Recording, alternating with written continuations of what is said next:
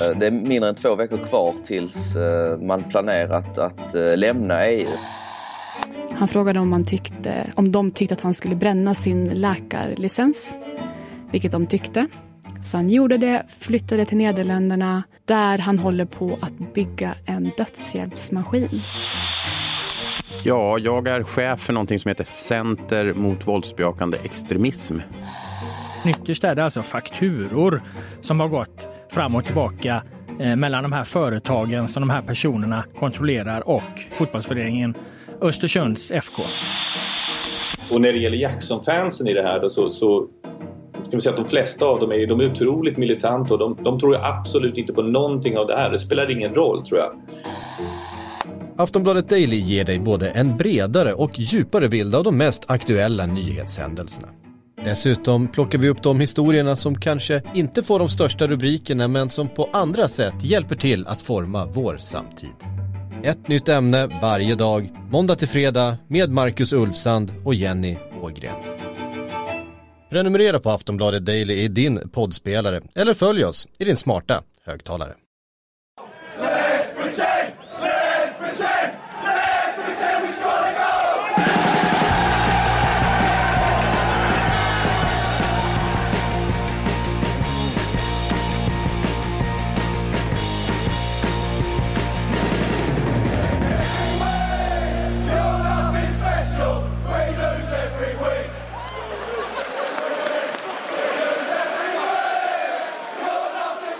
Jag är också väl för, jag tror jag har fått i mig, klockan är, vad är den?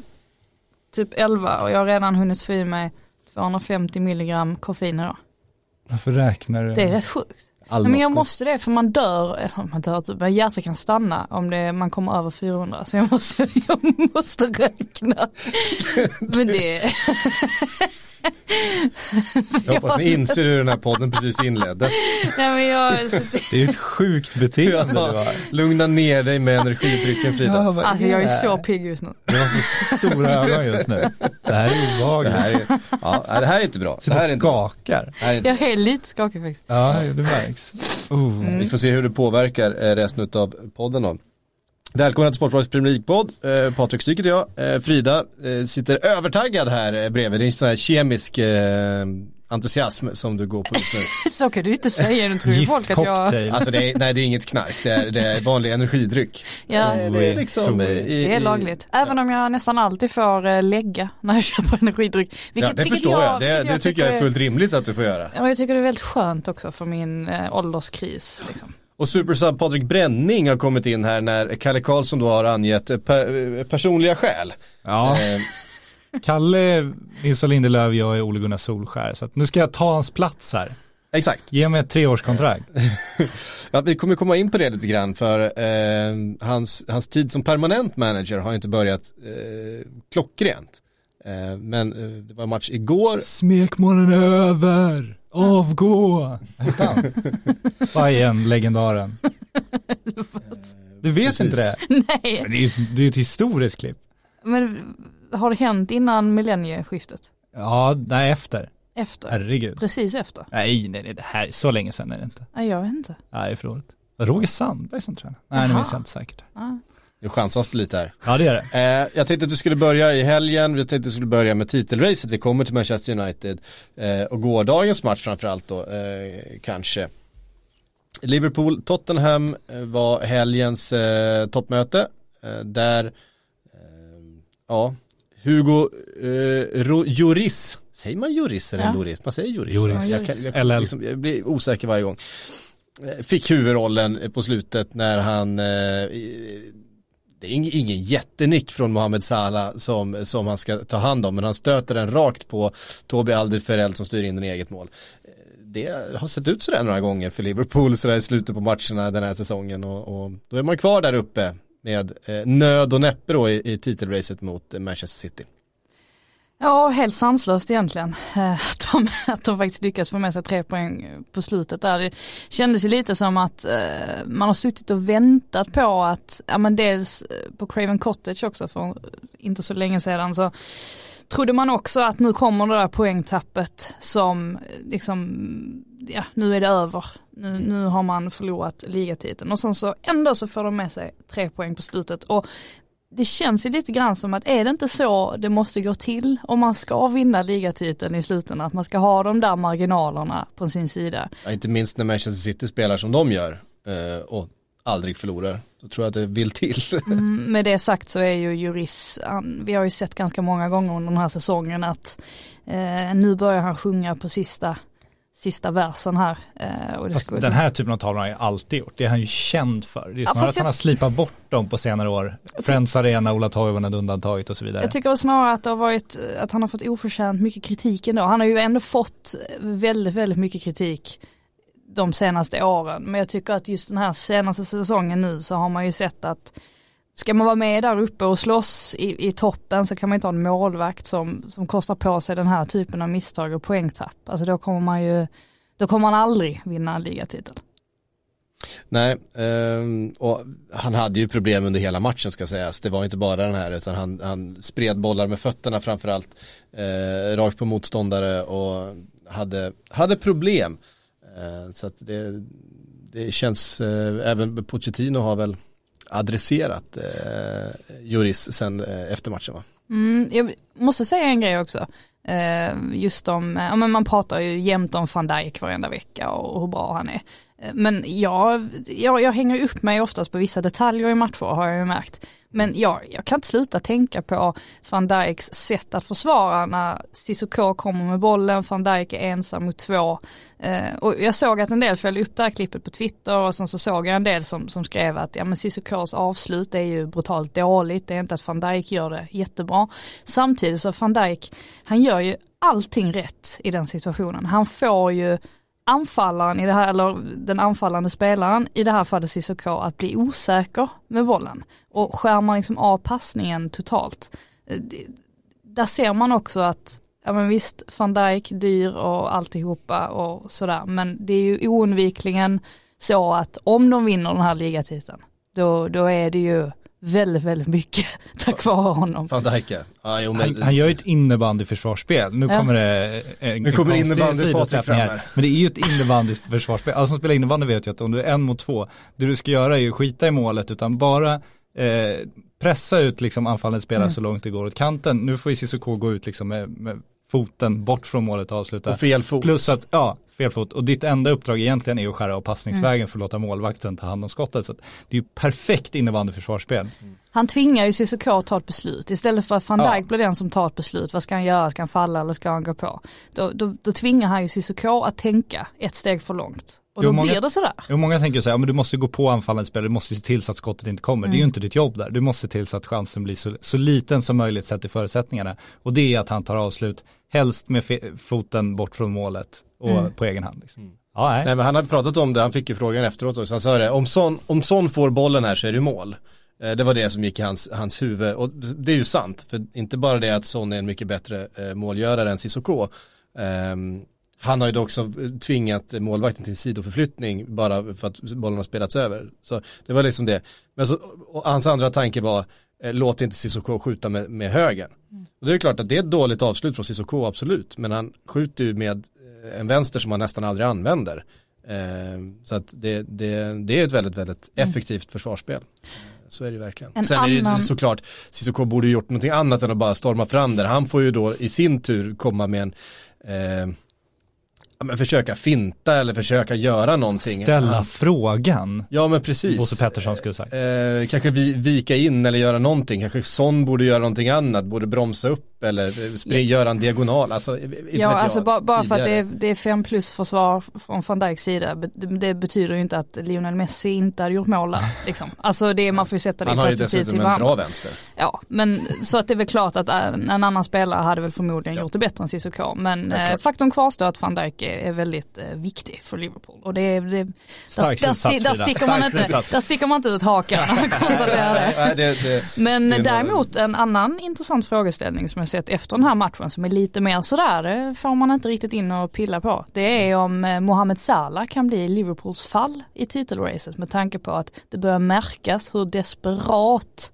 han vill göra mål. Att Mm. han faktiskt ibland väljer att inte passa en lagkamrat Mm. som står i ett bättre läge än honom själv. Den är lite känslig den frågan. Ja, det är ju en, en, eh, en ganska vanlig eh, diskussion ändå, eh, skulle jag säga. Det har lyfts av ganska många. Eh, För eh, fem, sex, sju, kanske tio omgångar sedan eh, så minns jag att vi hade exakt samma diskussion. För då var det Mané som inte spelade till Salah. Och sen så har hans målskytte kommit igång och sen eh, det, är- det är ju trots allt så att, att eh, Salah väl av alla forwards i ligan har flest assist den här säsongen eller något sånt där. Så att det är inte så att han inte har spelat, spelat fram, men det, det är klart att han, eh, han eh, tar ju inte alltid rätt beslut. Så är det. Jag tycker, jag tycker snarare det är lite så här att man börjar, man ser lite grann den Salah som före han kom till Liverpool så såg man mycket av det här i, eh, i Italien till exempel att han, han tog sig till jättebra lägen, han var väldigt nyttig men han fattade lite fel beslut. Ehm, det är kanske det som har hänt snarare att jag tror inte att, att han är det är klart att han vill göra mål och han känner också att han är nästan där, han vill få igång sitt målskytte. Så att det är klart att det påverkar hans beslut men eh, jag tror också att det är en, en spelare som eh, jämförs med en, en enorm säsong förra säsongen. Eh, att vi ser också en lite kanske tillbakagång till en mer normal nivå för honom. Där eh, beslutsfattandet har liksom alltid varit ett, ett, liksom ett litet problem för honom. Eh, Jag tror Hans, inte att, hans jag firande att- efter eh, Tobis mål är ju dock, Ja, ja, han, han- det är ju som att han tror att det är han som kommer få målet. Ja, men han känner väl i alla fall att han, att han har fått bidra. Men det är klassisk strike ju. Alltså har du nästan målet då gäller det att fira mest så att du får mål. Det är ju så det går till liksom. Ja, i och för sig. Det är omvänd psykologi där. Liksom, Ja, det finns sätt. målbonusar att hämta vet du. Det är viktigt. Eh, ja, jag tror säkert också att, att eh, Klopp liksom efter matchen och dagen efter kommer liksom adressera det här som att jag äntligen fick eh, liksom Salah till det liksom. Det är ju ett solklart självmål. Det är en ganska dålig nick. Egentligen från det läget så nickar han egentligen rakt på eh, Juris. Det borde han göra bättre för att han, han kan ju faktiskt nicka den in i mål. Eh, med en bättre nick. Men, men eh, det handlar ju om att, att hitta, hitta tillbaka till något självförtroende och sådär. Men det som är kul ändå är ju trots allt att ligatitelracet lever. Mm. Det hade ju varit ganska trist nu om Manchester City hade dragit ifrån. Ehm, alltså då, då hade ju i princip säsongen varit död. Ja det är klart att platserna där under är ju fortfarande, det lever ju i högsta grad. Men Ja, vi, vi, vi, vi, kommer till det. ja, ja, Till kul. eh, topp 4-racet Får inte såklart. avvika från Nej, det är strikt körschema han har förberett idag. Mm. Ja, eh, ja men verkligen. Vi, eh, Han har Manchester- fyra punkter och sen är det frågor säger jag. Så att det är väldigt uppstakat här. Ja, ehm, Pressad nu. nej men titelracet, vi eh, säger vi då i, i samband med titelracet hej då till Fulham.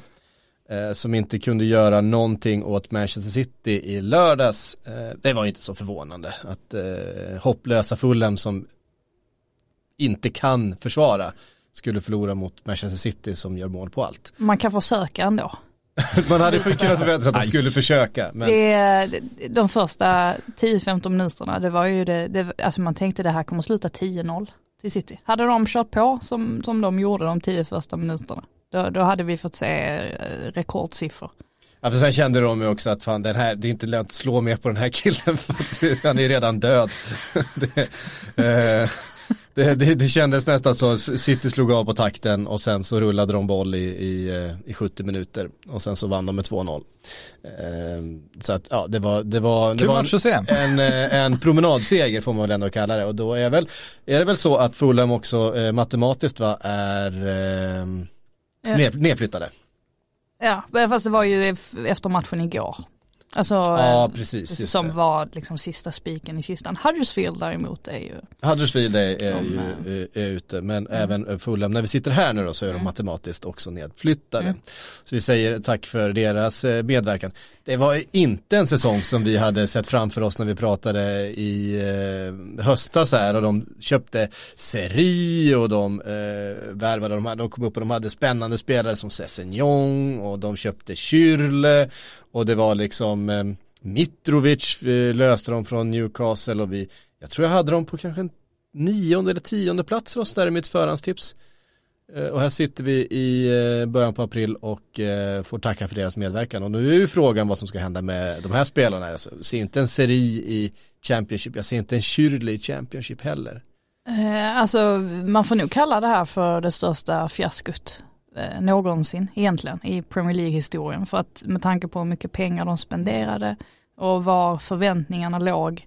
Det, det är inte många gånger det har, s- alltså du sitter och rynkar, Ja, jag- jag kom med tycker ett det- bättre förslag. Jag blir orolig när du kastar ur dig största historien så här omgående. Ja, men Newcastle när de ramlade ut förra året, det var, den spelarbudgeten var rätt saftig. Ja, Det ja finns med tanke på sats, med satsningen de hade gjort eh, så, så, ja men det ligger ju där uppe, det är ju ett, det är Mm. ett super fiasko med tanke på investeringarna de hade gjort. Det är ju, sen ska man komma ihåg att de tog sig upp med nöd och näppe. Det var ju ehm, det var ju inte så att de var som när Newcastle gick upp till exempel att de hade dominerat eh, i, i Championship året innan eller Wolves för den delen förra säsongen eh, som ju kom upp med väldigt väldigt fart. Eh, Fulham kom ju upp som tredje lag då va? Jo, men de fick ändå efter- efter behålla sina spelare. De, eh, som sagt, de, de satte sprätt på hur mycket som helst och det var, det var jättespännande alltihopa och på det sättet så, så är det ju helt horribelt vilken vändning hela projektet tog. Sen är det inte så konstigt, det har vi varit inne på tidigare också, att det är inte jättemärkligt att det har blivit så här med tanke på att Man inte köper några försvarare. Nej, och man kan inte riktigt, man kan inte riktigt bara skjutsa in pengar och tro att det ska bli bra.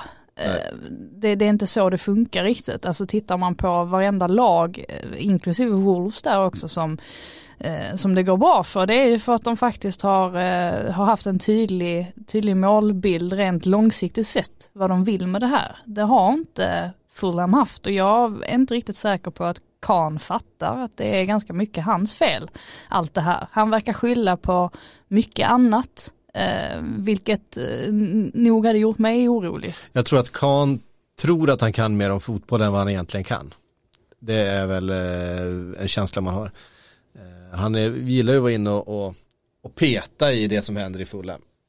Eh, men ja, nej, det, jag håller med. Jag, jag är lite bekymrad över Fulham för jag tror att eh, Eh, de kommer få problem men många av de här kontrakten kommer vara inskrivna tror jag, att eh, det finns utköpsklausuler för en del spelare när, eh, om de åker ur. De, tanken var att de skulle vara liksom en del av en satsning uppåt i tabellen här, att det skulle verkligen göras, titta nu har vi värvat André Schürrle och nu har vi värvat eh, Mitrovic, får man dit en, en eh, Jean-Michel Seri också som vi, vi ryktades till Barcelona eh, liksom ett halvår tidigare. Han har ju kommit in och varit inte bra dessutom. Eh, han är en av alla de här misslyckandena i, i den här Fulham-truppen.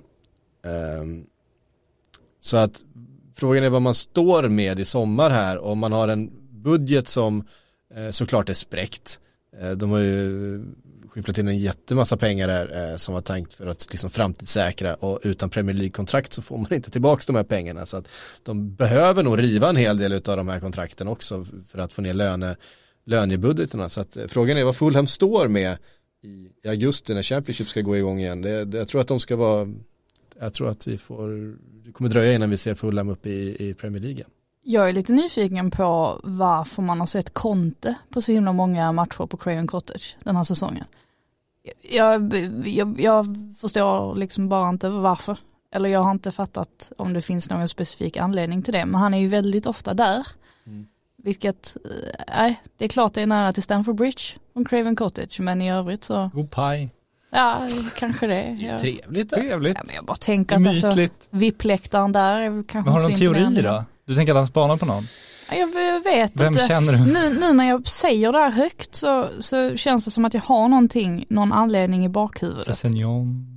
Ja, jag vet. Det känns ju inte som det är Schürrle han tittar på om vi säger så. Nej, Nej. jag tror inte heller det. Men om det är någonting med ägarna, ja, jag vet inte. Men eh, det är bara en spaning sådär att han, han har varit där väldigt Ja, vi, hade ju, vi hade ju en teori tidigare ju, där, eller vi och vi, jag hade en te teori. Eh, Dra inte in som, oss i det som här. innefattade Pochettino till Real Madrid, där Conte, eh, för han varit på eh, White Hart Lane, eller på, på Wembley, eh, under säsongen också. Eh, Ja, han suttit- kanske bara driver runt. han drar, Gillar sig på drar, drar runt i London och går det- på fotboll. Det, det ska han ju få göra Eh, också.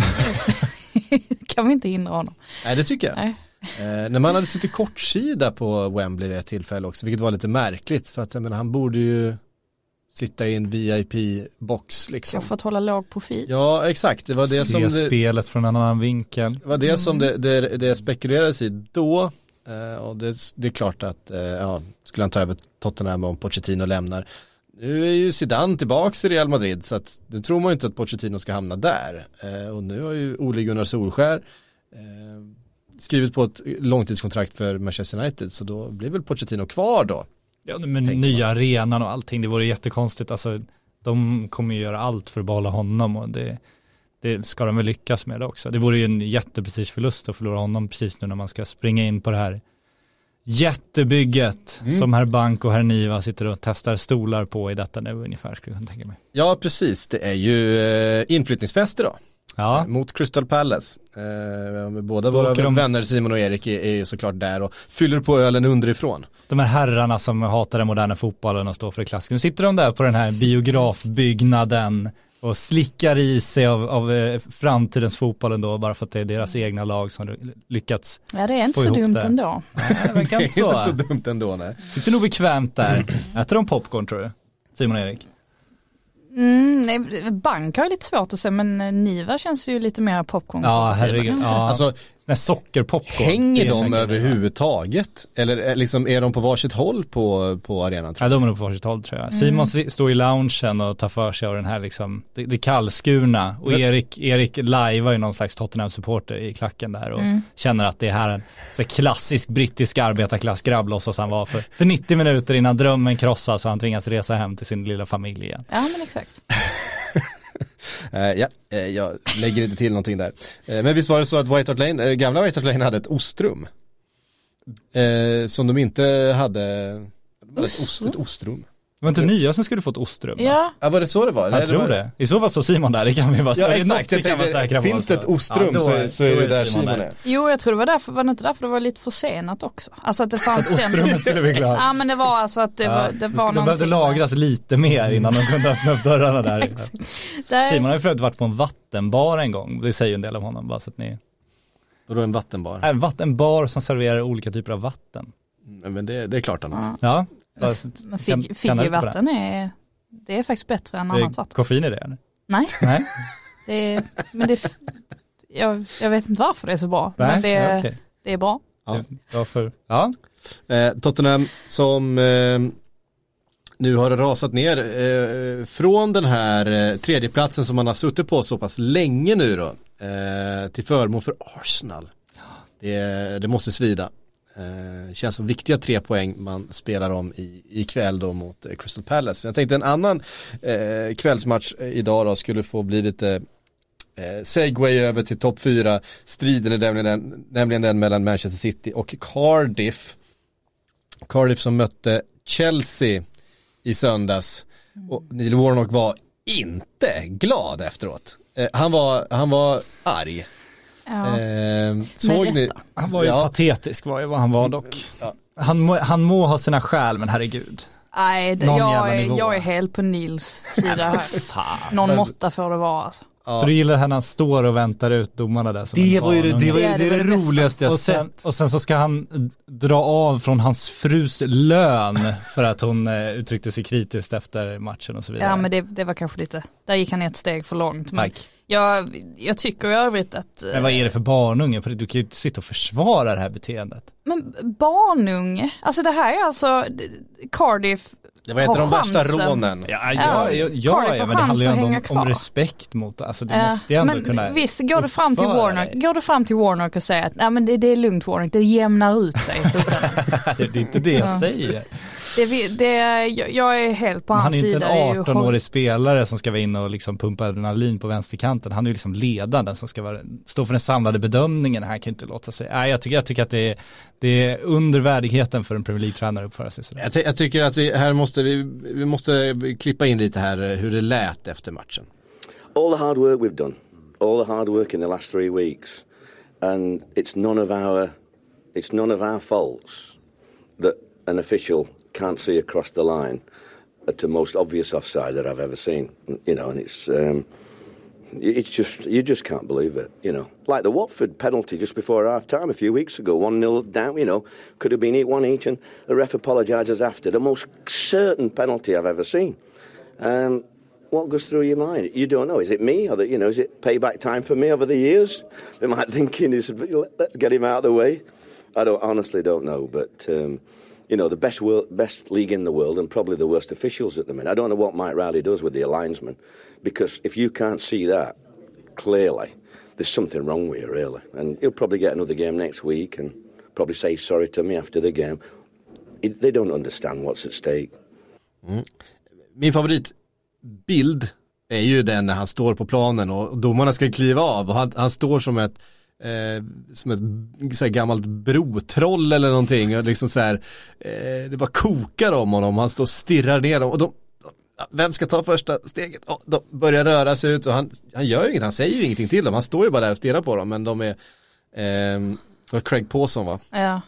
Eh, och det var ju en av de sämre domarinsatserna man faktiskt har sett. Alltså offsiden på Aspelikuetas mål är ju en och en halv meter i ett sånt läge där, där linjedomaren står helt i linje och det eh, det finns egentligen ingen, det, det liksom, mm. där kan man liksom inte hävda, åh oh, det går för fort och det är liksom, det är en nick framåt eh, i ett läge där, där spelarna är samlade och han står en och en halv meter nedanför. Det, det, det ska inte få hända. Det ska ju sägas att jag, jag är ju absolut inte Warnocks största fan.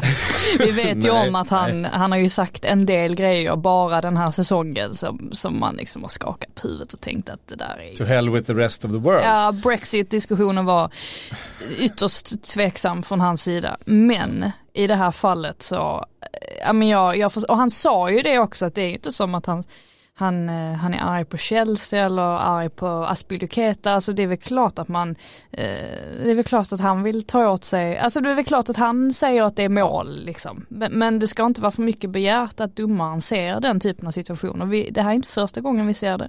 Det är inte andra gången vi ser det det är inte tredje gången. Alltså vi har ju sett det hur många gånger som helst den här säsongen. Och det blir ju mer och mer tydligt att Premier League behöver VAR. Och det var ehm, eh, inte bara den, den motsituationen, det var ju två stycken straffsituationer. Eh, Morrison på ena va, och sen minns jag inte vem det var på, på andra. Det var dessutom situationen med eh, det eh, röda kortet som inte blev. Där kan man ju för sig ha frågan, jag kanske inte är helt med på att det ska vara rött kort där för frilägesutvisning. Eh, det är väl hur man bedömer eh, om Kepa ska hinna ut på den bollen eh, före anfallaren eller sådär. Men, men det var liksom för många sådana här domslut som gick emot Cardiff. Så man leder ändå mot Chelsea, man gör en väldigt, väldigt bra match eh, med Cardiff mot Met. Eh, och man håller på och, och, och gör något sensationellt och faktiskt knipa alla tre poängen och så händer alla de här sakerna. Eh, på ganska kort tid ändå. Jag förstår verkligen att, att Neil Warnock undrar ifall det, är, ifall det är mig de har någonting emot. För det var ju så han Så kan det ju vara. Det skulle jag inte hålla det skulle, inte det skulle, det skulle, det det skulle jag inte hålla emot Craig Pawson heller ifall han kliver in. Men det, så får det ju inte gå till heller.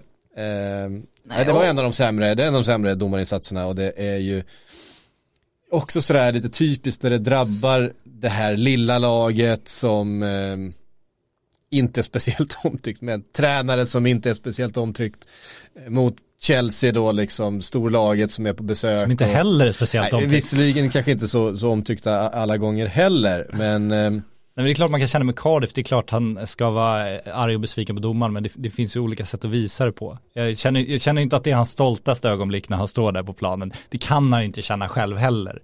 Det, det är ju jag tycker, omöjligt. Jag tyckte, det var, jag tyckte det var roligt. Ja, ja roligt är det absolut. Ja, ja där är det, för han stirrar ju verkligen. Men med det sagt så, den här, alltså oavsett om det blir tre poäng för Chelsea, det här räddar ju inte Sarris renommé på något sätt. Nej, för jävla vad det buades från eh, Chelsea-supportrarna. Eh, och Sarri out och så vidare. Nu, eh, det var ju ingen bra insats. Det var ju ingen bra match från Chelsea. Nu får de med sig tre poäng liksom tack vare domartabbar. Eh, skulle haft liksom ett par straffar emot sig och, och så vidare. Eh, det, det, var, det finns väldigt mycket frågetecken till, kring Chelsea just nu, men frågan är om hela den här historien med eh, transferförbudet gör att de faktiskt överhuvudtaget kan sparka Sarri. Eh, för att i så fall ska man liksom börja om med ett nytt projekt med en ny tränare och då visserligen ha ett transferfönster på sig att göra någonting och det är nu sommar under tiden man har överklagat. Ja, Eh. kanske. Är det verkligen upp? eh, Jag tror att det kommer bli så. Jag tror Eh, förra domen blev ju inte så. Så jag skulle inte ta gift på att det blir så den här gången.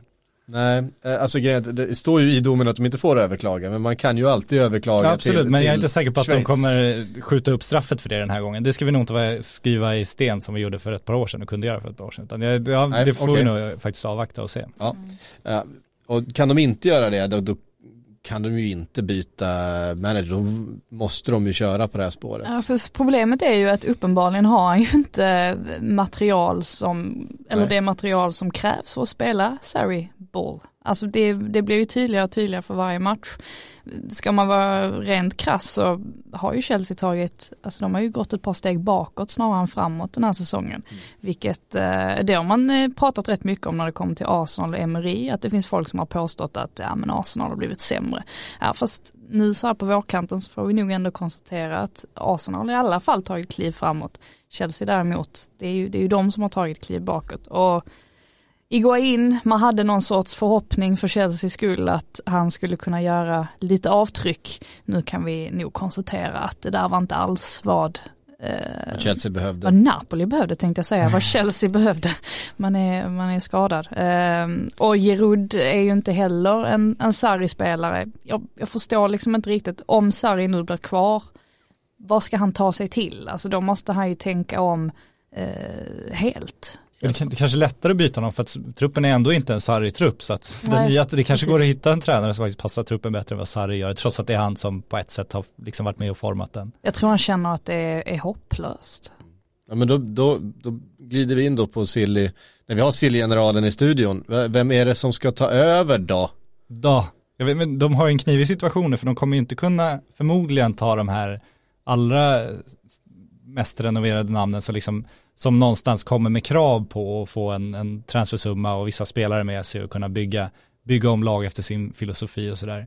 Det känns ju som det blir svårt när man sitter i transferförbud. Eh, och sen får vi se vad som händer med Eden Hazard och sådär, vad det är för trupp de egentligen har efter sommaren. Så att då kanske man får eh, leta efter andra typer av tränare. Och nu vill jag igen slå ett slag för den här sportchefstrenden som ju eh, kommer mer och mer och mer och mer. Och det finns ju en stor osäkerhet kring Chelseas långsiktighet, inte minst på ägarposten, men sportsligt måste man ju staka ut eh, en tydlig plan.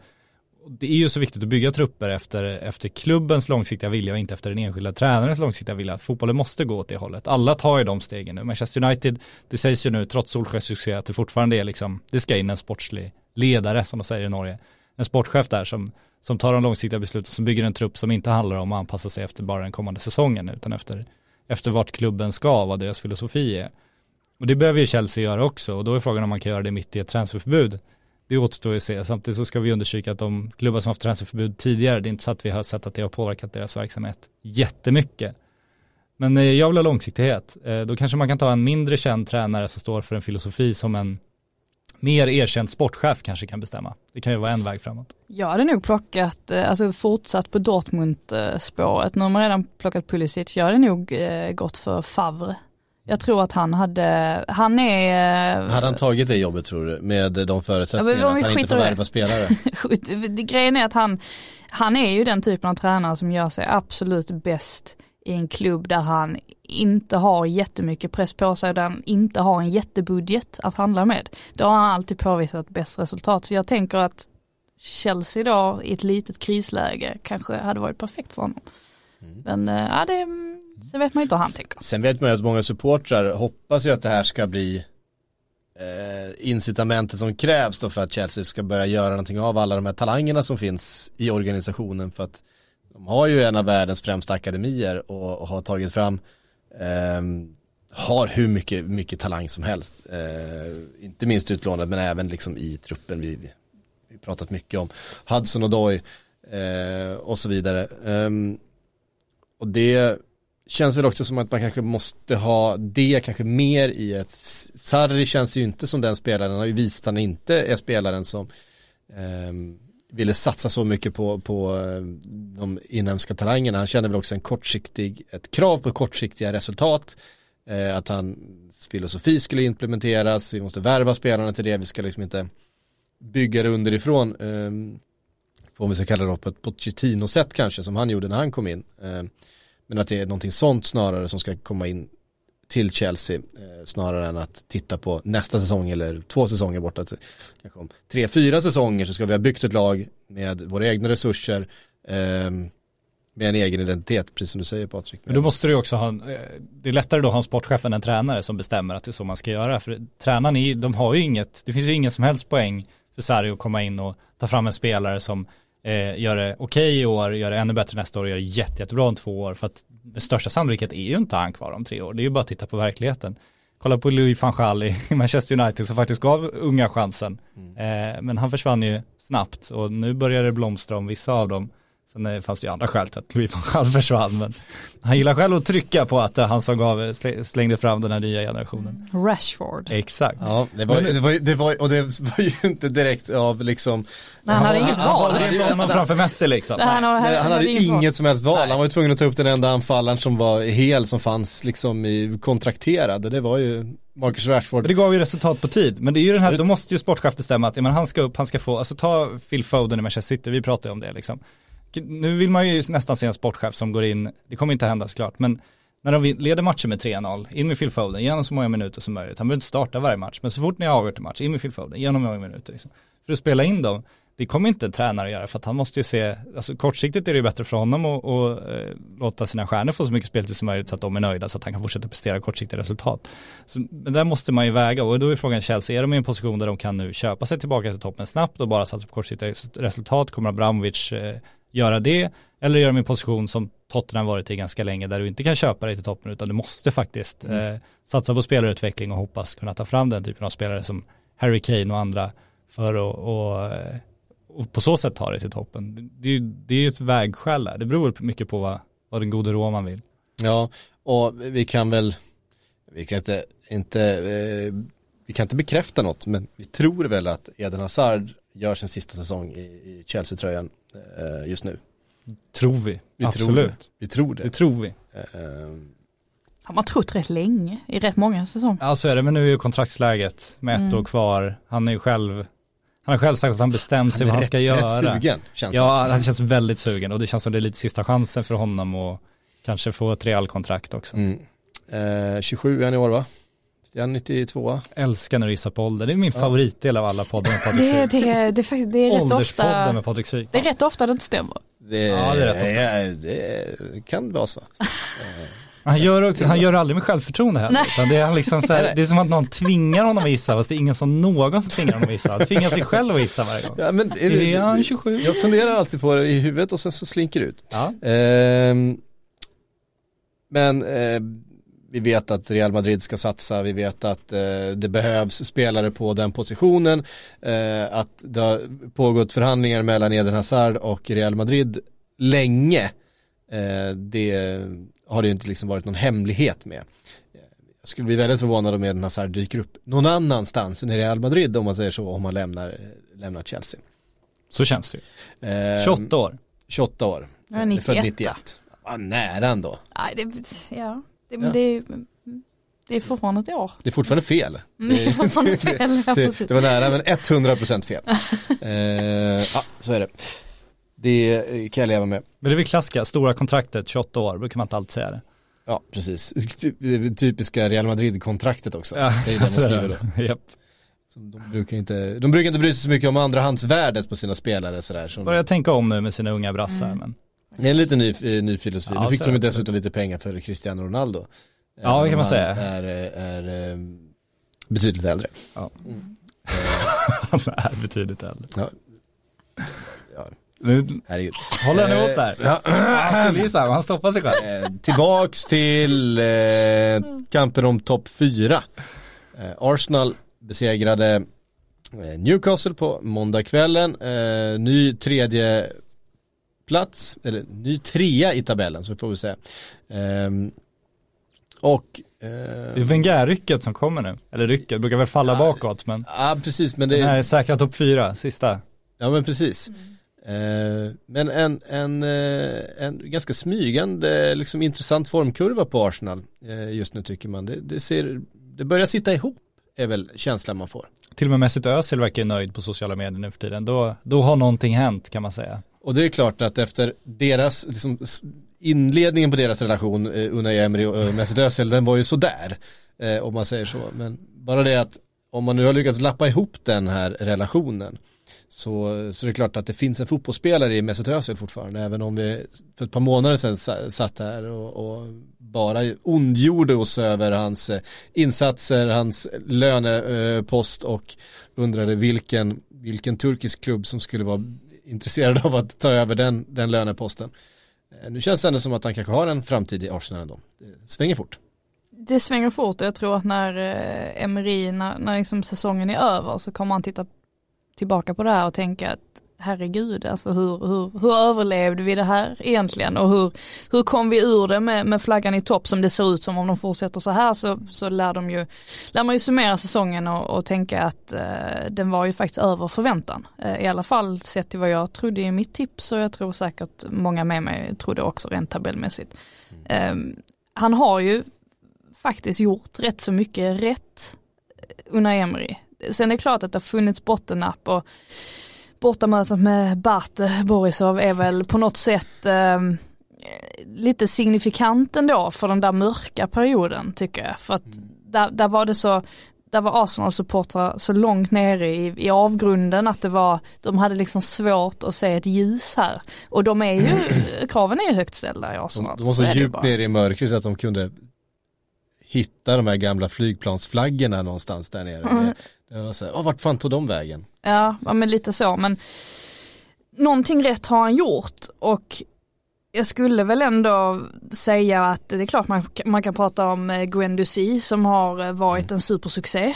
Ehm, men även att han faktiskt har fått igång en sån som Lacazette. Och jag var lite orolig där i början att han inte skulle låta Lacazette spela tillräckligt mycket eftersom att han hade ganska svårt att avväga, alltså hur ska jag få in alla de här spelarna i samma liksom, formation. Men det har han ju lyckats med på sistone. Och nej, nej, Lacazette har tagit mycket stort ansvar där i offensiven.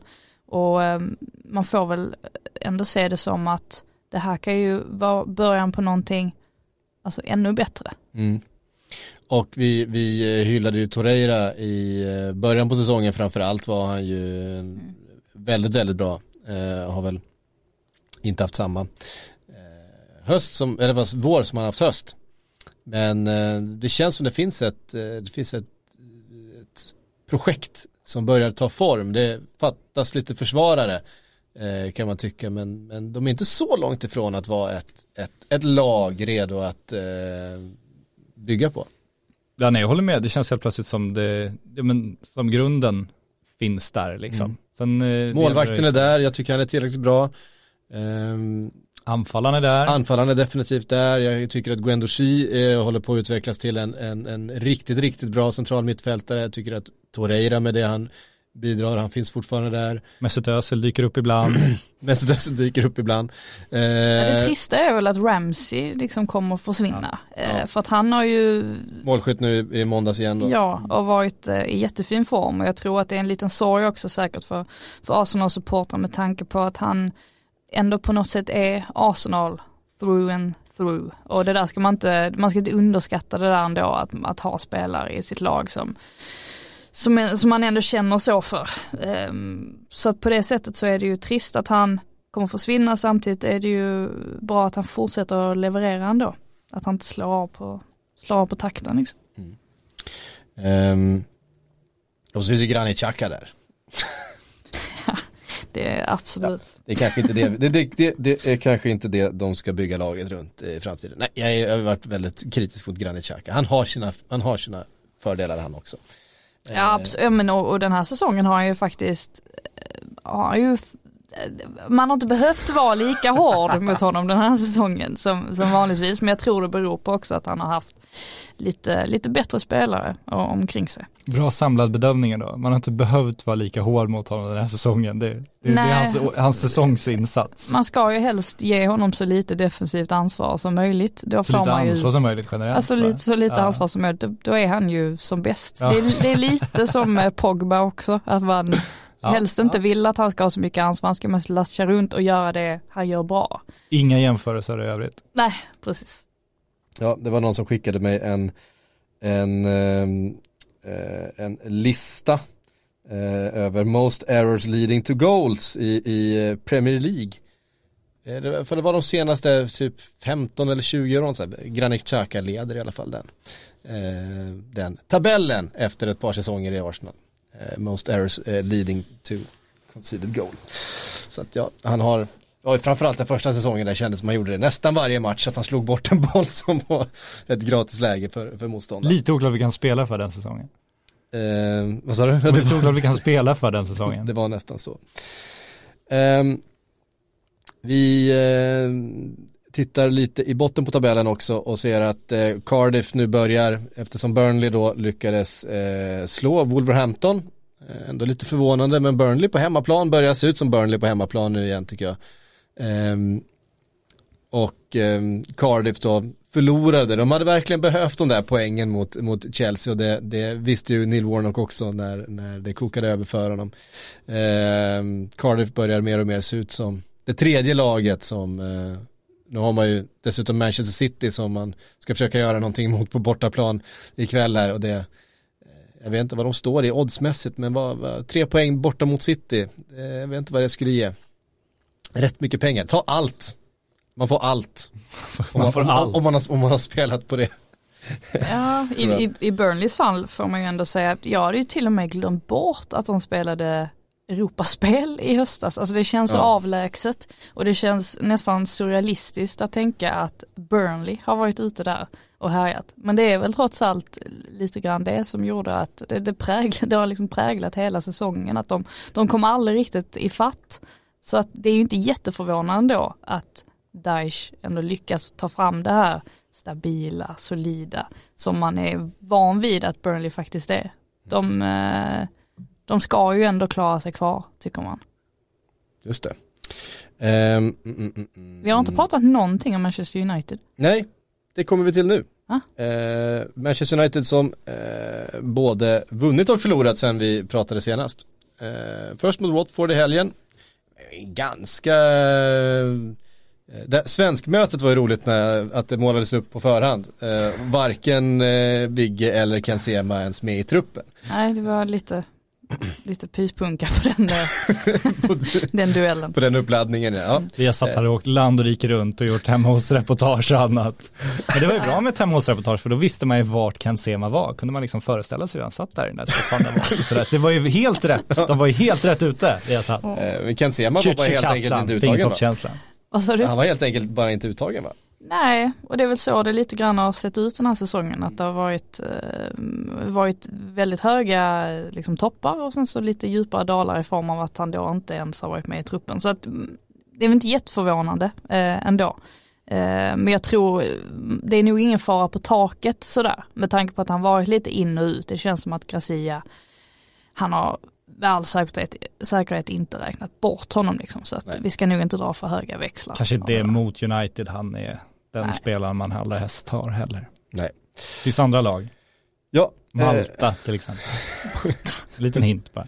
Ja, precis. Um, var han tillbaka? Jag såg, eh, missade ju matchen igår eftersom jag var så koncentrerad på Wolverhampton, eh, Manchester United, men, men eh, Watford vann ju den med 4-1. Var kan Sema tillbaks då? Ken Sema, Vi, vi snabbgooglar. Det här är bra innehåll också. Ja absolut, det här är content. Eh, Manchester Vill United du i ha alla en fall. paussignal när du ja, googlar han var med, saker? i, han var med i, eh, i, ett, i truppen i alla fall. Ja, eh, fick inte spela något. Nej.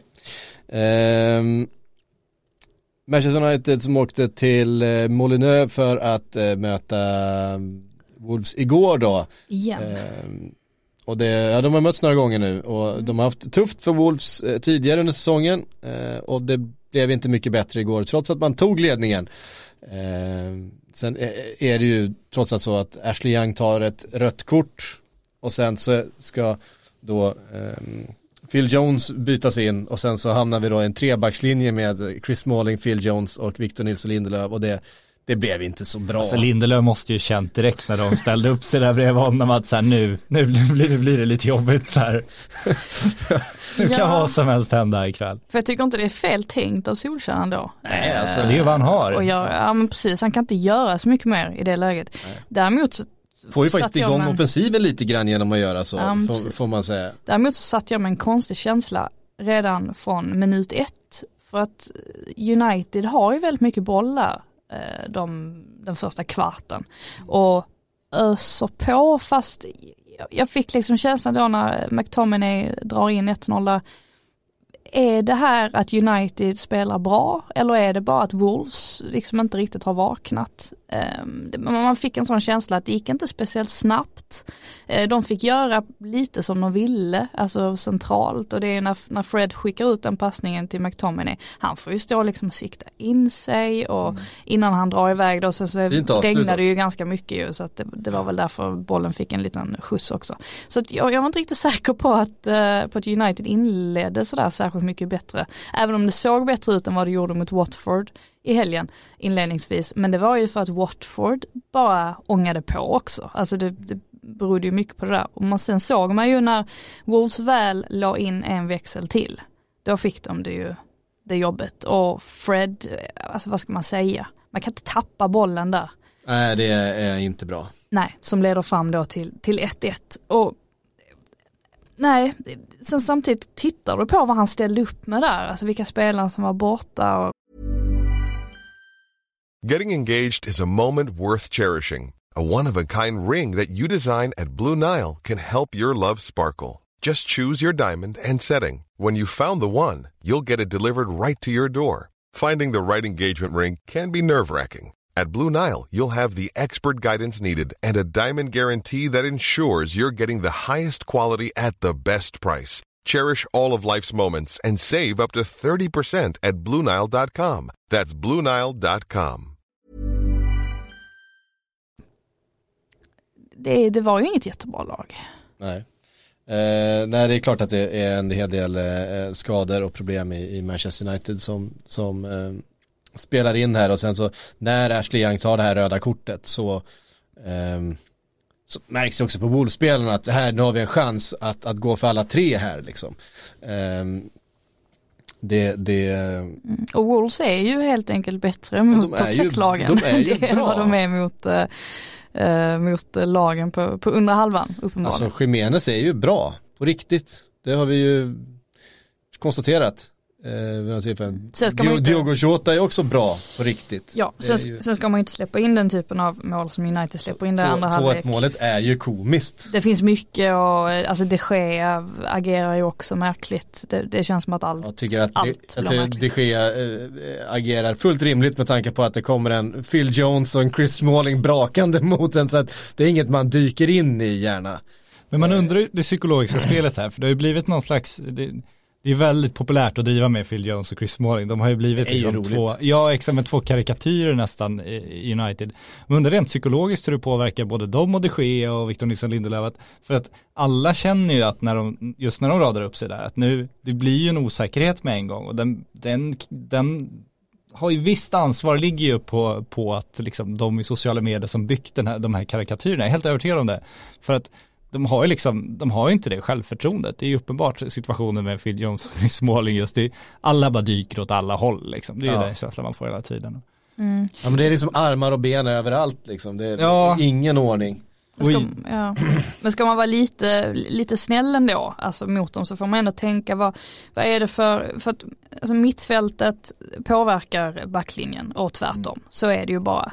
Och i det här fallet, vilka spelare är det de har framför sig som ska försöka hjälpa till? Jo det är Pogba som vi vet om eh, inte är speciellt glad. Uniteds Granit Xhaka. Ja, men inte är speciellt glad i att ta defensivt ansvar, eller han är inte så bra på det snarare. Man hade Fred där fram tills man byter in eh, Andreas Pereira va? Ja just det. Mm. Ehm, Men det är Fred som går ut för Phil Jones efter röda Ja, han kortet. går ut för Phil Jones, men Pereira kommer väl in sen också i slutet någon gång tror jag. Ja, så. Nej, men och sen så McTominay där, ung eh, kille som man nästan trodde skulle försvinna helt när Mourinho försvann. För att det Årets kändes som att det var Ja, men det kändes som att det var Mourinhos gubbe lite grann. Ja, men jag bara menar att där, där ser man ju också att Det är väl klart att de i sin tur gör att försvaret blir skakigt. Absolut. Och då allting liksom påverkar varandra och då blir det inte bättre av att de, de är skakiga ihop, alltså Jones och Smalling. Alltså det, det känns som att det var liksom en dominoeffekt på allting. Så man är inte särskilt förvånad ändå att, att det blir som det blir i slutändan. Sen är det ju jobbigt för Solskär för att jag upplevde i alla fall i mötet med, med Watford så han ser ju ganska snabbt att det här kommer gå åt helvete rent ut sagt. Så han reser ju sig upp redan efter, vad är det, 11-12 minuter och, och vrålar och byter plats på spelare och lyckas ju faktiskt att stabilisera upp det lite grann. Um, och jag vet att jag alltid varit den som har förespråkat att det, det är upp till tränaren att få spelarna att prestera. Men i de här två senaste matcherna kan jag lite grann tycka också att nu måste de vakna till också lite grann, United-spelarna. Särskilt mot Watford var det ju det var ju horribelt på många sätt rent energimässigt att mm. de hade inte energi. Och de, Nej, kunde det... inte, de kunde inte skylla på landslagstjänstgöring för att det var ju i, princip inga spelare som, som spelade EM-kvalet förutom de Gea och eh, Pogba. Mm. I övrigt var ju alla andra, alla andra skulle ha varit utvilade. Precis. Eh, och eh, jag tyckte man såg tendenser av det igår också. Eh, mot, mot Wolves att, att som fantasin finns inte riktigt där, eh, energin och tempot i, i spelet är, eh, är lite för lågt eh, helt enkelt. Och det, det här blir ju Ole Gunnars första eh, liksom uppgift nu för att nu är topp fyra läget sånt att det är fyra poäng eh, eller fyra lag inom tre poäng. Mm. Chelsea på 60 poäng upp till Arsenal på 63. Eh, United har en match mer spelad så de skulle faktiskt kunna halka ner till den där sjätteplatsen igen förutsatt att de andra vinner sina hängmatcher då på, på United. Eh, och från det utgångsläget som United var i när Ole Gunnar skrev sitt kontrakt, att sen missa Champions League därifrån, eh, då vet jag inte ifall vi kliver in i nästa säsong med den där sprudlande entusiasmen och, och den där stämningen runt laget och kring de här spelarna som man hade sett framför sig det här blir, eh, det här blir riktigt viktiga veckor för Ole Gunnar. Det, det... Tycker ju fortfarande de ser betydligt bättre ut än när Mourinho var där. Så, det håller jag med om, absolut. Så det där ska man ju inte ta ifrån honom heller, att det nej, faktiskt nej, nej. gör det. absolut inte, han har gjort det eh. jättebra. Men det här blir, det blir ett väldigt viktigt test för honom, att han, han måste kunna reda ut det här, han måste kunna rida ut den här stormen, framförallt med tanke på hur Chelsea och Tottenham ser ut eh, för tillfället. Eh, och Manchester United faktiskt har varit ganska formstarka under, under eh, vårvintern. Så, så Mm, och det kanske inte Finns mot, lite press plötsligt? Kanske inte mot Barcelona heller om man kommer, eh, alltså man, det hade nog varit skönare att ha ett annat typ av motstånd i, i nästa möte här. Ja. Ehm, men Så visst, allting kan ju uppenbarligen hända. Mm. Det gjorde de mot PSG, men eh, det, deras chanser är ju inte de är inte i, i majoritet om man säger så. Och det kan ju bli så också beroende på, nu är det väl sju matcher, eller sex matcher kvar för United i ligan, sju för de övriga. Eh, en av de här matcherna är ju Manchester City på hemmaplan. Mm. Eh, den kan bli rätt viktig och de poängen kan bli väldigt viktiga faktiskt i den här topp 4-striden. Ja, och det mötet gick ju bra förra våren. Då, då gjorde de ju faktiskt en av sina starkaste insatser under hela säsongen. Å andra sidan så var ju det ett annat typ av läge för City hade redan vunnit ligan och nu har de det fortfarande ändå ganska tuff konkurrens där med Liverpool. Så att, eh, nej, jag har eh, osäkra veckor här för eh, United, men eh, spännande. Mm. Ja, där kan vi väl också räkna med en viss eh, omsättning av spelare i sommar. Vi var inne på Chris Smalling och Phil Jones, jag tror inte det är så jättemånga eh, United-supportrar som vill ha dem som, som alternativ ens eh, när nästa säsong börjar. Ändå påstås att de har lagt ner den där mittbacksjakten så att Ja, vi får se hur mycket, hur mycket han, vi får se om det kommer in en sportchef och hur mycket pengar de kommer sätta sprätt på och vem som ska styra den där skutan framåt. Hänger vi lite på om Pogba också försvinner så här som det börjar snackas om och Real Madrid hit och dit. Alltså det, för det, liksom en central mittfältare är man ju i behov av. Alltså nu värvade man in Fred med förhoppningar om att han skulle vara svaret på det. Det har han inte varit. Så att, eh, och Alexis Sanchez har jag ju inte ens tänkt på honom på hur länge som helst, men han är väl skadad va? Det är därför han inte är med. Ja. Oavsett vad som, men man ser ju nu också med att även Herrera har ryktats bort eftersom han inte är nöjd med, med det löneförslaget man, han har fått. Det är inte så konstigt med tanke på att Alexi tjänar så mycket som han gör. självklart vill andra spelare trycka upp sina löner då för Ander Herrera är ju en långt viktigare spelare för United numera än vad Alexis är. Så att de har ju satt sig i en ganska prekär eh, sits ändå. Eh, det är ju självförvållat. Mm. Eh, vi ska ta eh, frågor eh, i vanlig ordning. Mm, mm, mm, vi kan börja med en fråga eh, från Henrik Norling. Han skriver, känns som att Spurs står inför det viktigaste fönstret på länge. Spelare som Alderfereld, Eriksen kan försvinna och efter arenasoppan verkar det inte finnas så mycket att handla för. Hur tror ni truppen ser ut i september? Det ser ut precis likadant som det gör idag. de, gör, inte de, kan, de kan inte gå en sommar till utan att köpa en enda spelare. Exakt samma trupp. Ehm, du tror det? Ja men eh, ska man titta, man måste ändå lära sig av historien och den, den mest kvalificerade gissningen just nu är ju att ingenting kommer hända överhuvudtaget. Alltså Erik, de går in i arenan nu, de måste ha positiva vindar inför nästa säsong. Det handlar jättemycket om att, att, att behålla- behålla det de har tror jag. Harry Kane har de redan någonstans säkrat upp. Han har ju sagt att så länge klubben går, går åt rätt håll så kommer jag stanna kvar. Att vi tar steg och det gör de ju. Eriksen, Jag tycker inte han känns som att han kommer bli kvar. du tror inte det? Nej, och när man pratar med danska journalister så här som följer honom väldigt noga så, så känner de också att han vill inte, han är sugen. Liksom. Vem löser ut honom då? För den Nej, men det är, det ju, kommer det, är ju, krävas. det är ju problemet ju. Ja, Så är det. då är det United då eller om de säljer Pogba.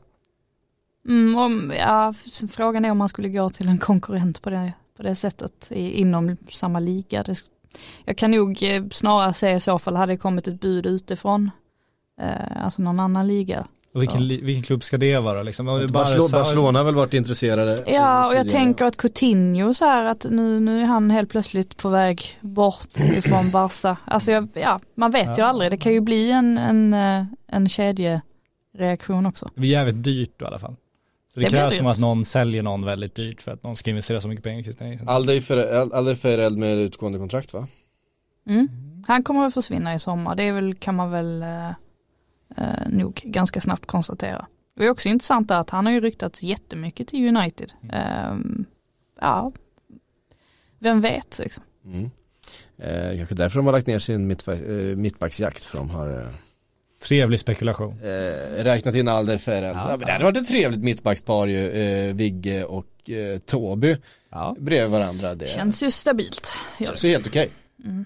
Det tycker jag. Eh, Ville Edlund skriver, hur skulle världsfotboll utan Silly-fönstret se ut? Eh, det skulle, skulle det vara konstant kaos och rykten eller helt tyst och plötsliga värvningar? Vore intressant. Alltså med, man fick köpa Ja, man spelare när som helst. ja. Oj.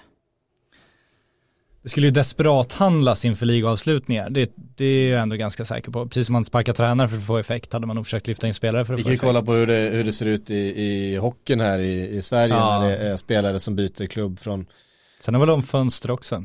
Ja, men de byt, bytte ju nu var det någon spelare, jag såg att det var upprört i sociala medier i alla fall, någon som hade gått från Djurgården till Vilka Växjö. följer du? Om du får sådana? Jag vet inte. Eh, inte en enda. vi- vet, jag har många, många tentakler ute i, i, eh, i sportsverige. Ja. Men, men eh, där sker ju just de här sakerna. Ja, men generellt så tror jag, alltså toppklubbarna skulle nog ändå handla framförallt sommar, vinter när det inte dyker upp. Om det inte hade dykt upp något annat, för det tar ändå, har ändå en inspelningsperiod. Det är inte helt lätt att lyfta in någon med fem matcher kvar och få någon effekt. Då får du, det är klart, men de, de desperata klubbarna hade ju gjort mer sådana saker. Det kan man nog vara ganska säker på. Sen har det varit intressant också hur, vad som hade hänt med liksom, för det finns ändå den här förhalningstaktiken varje fönster. Det är ju alltid sista veckan de, de flesta affärerna går igenom. Det är ofta sista dagen, ofta sista timmarna. Om det inte hade funnits någon sista dag, sista, hur länge hade de väntat ut varandra då? Alltså en, två säsonger, alltså vad hade hänt med de här, de affärerna som till slut tvingas igenom?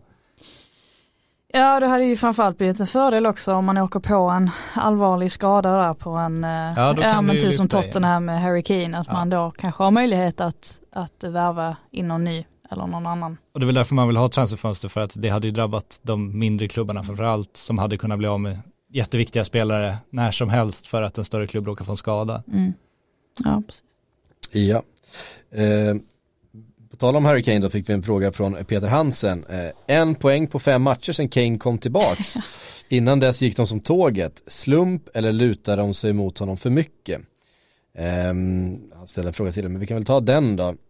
Och eh, sen är det så här, han är ju typ bäst på plan mot Liverpool. Det är han som, som eh, startar anfallet med en fantastisk frispark ut till, jag är det som löper där, det är Trippier som man hittar på kanten eh, från mitten på plan där. Eh, helt otrolig crossboll över som öppnar upp och skapar Tottenhams mål. Det är också han som spelar fram till det här två mot ett läget eh, med en liksom en touch djupledsboll. Eh, så att, eh. Det är lite orättvist om han ska få, Ja, det skulden alltså, för han är ju- Det är väl klassiska, är landslaget bättre med eller utan Zlatan? Det är väl den diskussionen vi tangerar igen när vi Ja. har en Ja. spelare som blir fokus på. tror snarare Punkt. problemet är att då eh, Son har hamnat på bänken till exempel. Ja men liksom några månader, precis, några månader innan Kane kom tillbaka där eller några veckor så, så var ju Son i eh, liksom stor form och bara öste in mål och, och sådär. Det, det känns ju som att de snarare går om varandra formmässigt. Alltså att de inte pikar samtidigt. Eh, li- Lite grann så, eller den känslan får jag. Sen vet man inte hur mycket det har påverkat heller att eh, Pochettino har suttit på, på läktaren nu de senaste matcherna. Han har ju i och för sig en bättre överblick över spelet när han sitter där uppe men jag vet inte hur mycket det, det påverkar, alltså själva att man inte kan coacha alltså nere vid eh, sidlinjen. Jag har också tänkt på det där med tekniska hjälpmedel för att han hade uppenbarligen lite problem med att nå fram till bänken för att det blir lite dålig täckning på en fotbollsarena eh, när det är jättemycket folk och det, det är mycket signaler igång och sådär. Eh, får de, alltså man får uppenbarligen ha telefon och man får uppenbarligen ringa ner till, till bänken. Kunde man inte bara då ha något jävla intercom system att han kunde ha en öronsnäcka eh, på assisterande så han kunde kommunicera med honom direkt. Ska han sitta där och behöva slå telefonnumret eh, varje Jag gång? tror inte han slår telefonen, Nej, det tror inte jag heller. i sin... Jag har ju, man minns ju back in the day när de tog upp liksom en, en gammal, gammaldags telefon och liksom med, med eh, Minst. Rullskivan, det minns med, med rullskivan. Ja men uppifrån läktarna var Ja, något, absolut, det är väl, absolut. eh, finns en sån klassisk bild tror jag på, på eh, Alex Ferguson på Old Trafford när han är uppvisad på läktaren någon gång. Han sitter med en, med en eh, Oj. riktig telefon med, med sladd.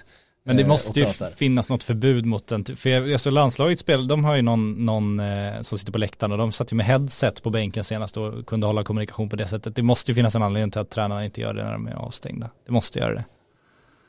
Eh, Mm. ja. Det är ingen komplicerad teknik så. Nej, alltså antingen får man ju då förbjuda dem att göra det eller så Ja, kommer- vilket man borde göra. Ja, hur det nu ska gå till. inte Men då får de liksom försöka, be, försöka bevisa på något sätt att han inte får ha tillgång till en telefon eller så här. För nu ser man ju uppenbart, han tar upp telefonen, ringer och sen eh, filmar de eh, på bänken och assisterande plockar upp telefonen och så försöker de kommunicera med varandra på den här dåliga telefonlinjen som är på Anfield under match. Så ser man nästan, eh, jag ty- tycker man har sett det med Pochettino att han oftast har rest sig upp och rusat ut. Alltså att han liksom tar samtalet liksom utanför arenan så fort det har hänt någonting. Men jag vet inte, jag kan ha, kan ha fel. Kolla upp det där. Jag gillar spekulationer. Ja, jag sitter bara och gissar. Det är Ja. Nästan lite ångestframkallande. Ja. Ehm, vi har fått lite sillfrågor också då, jag bad om det bara för att Patrik var här. Eh, vi ska alldeles strax eh, knyta upp Robert Rosenqvist undrar eh, Sessignon som backup till Robertson nu när de har åkt ut. Vad Det, tror vi? vi, vi, det var inte vi som satt och spekulerade om det, nej jag minns inte, men vad Sessignon ska göra om han, om han mår bäst av att spela ännu mer i Championship nu eller om han ska ta det där steget till slut. Jag vet, inte, om han tar steget så borde han inte vara backup till någon. Nej jag tänkte, Eh, jag tänkte precis säga det, det vore ju fel för honom att, Ja. att, att vara andra fjol, då ska han ju gå till ett, eh, till ett lag där han får spela. Ja precis, där han verkligen är ett, ett lag som, om det hade funnits plats för honom i ett Tottenham så hade ju det varit en sån klubb där han verkligen, de hade inte köpt den typen av spelare utan att spela honom om man säger så. Eh, Nej, och han, han har ju ändå inte fått, han har ju ändå haft det lite tufft i full här han har också. inte övertygat så. Han har ju inte fått chansen ens, alltså i, i alla fall när Ranieri var där så, så då blev det helt plötsligt ganska mycket bänken också. Så att det, han har ju inte haft någon ultimat säsong för egen del heller. Nej Alltså, men då är liksom, frågan också, ska han gå till topplag nu om han inte ens, alltså det är en Ja. sak om han, om han eh, spelat hela tiden och varit en dominant liksom. Det är klart att han, en kille i den åldern då, då kanske han är redo för nästa steg. Är han redo för nästa steg? Det känns inte helt solklart nu. Han är ju uppsnackad också för att han är engelsman. Alltså det är därför vi har tittat på honom så himla länge som vi har gjort. Mm. Eh, Så att, ja, det är svårt att bedöma om han verkligen skulle platsa i topplag och om han inte skulle platsa så kan det ju vara ganska ödesdigert att gå dit och inte få spela. Jag säger så här då, den här karusellen. Eh, Kolla nu. Nu är han, Ja. nu är kugghjulen igång här. nu jäklar. Van Bissaka till Manchester United har det pratats väldigt mycket om. Men nu är jag inne på att nu, han är ju högerback, det är ju fel. Eh, Det funkar inte alls där. Shit vad svagt. Eh, ja, skitsamma.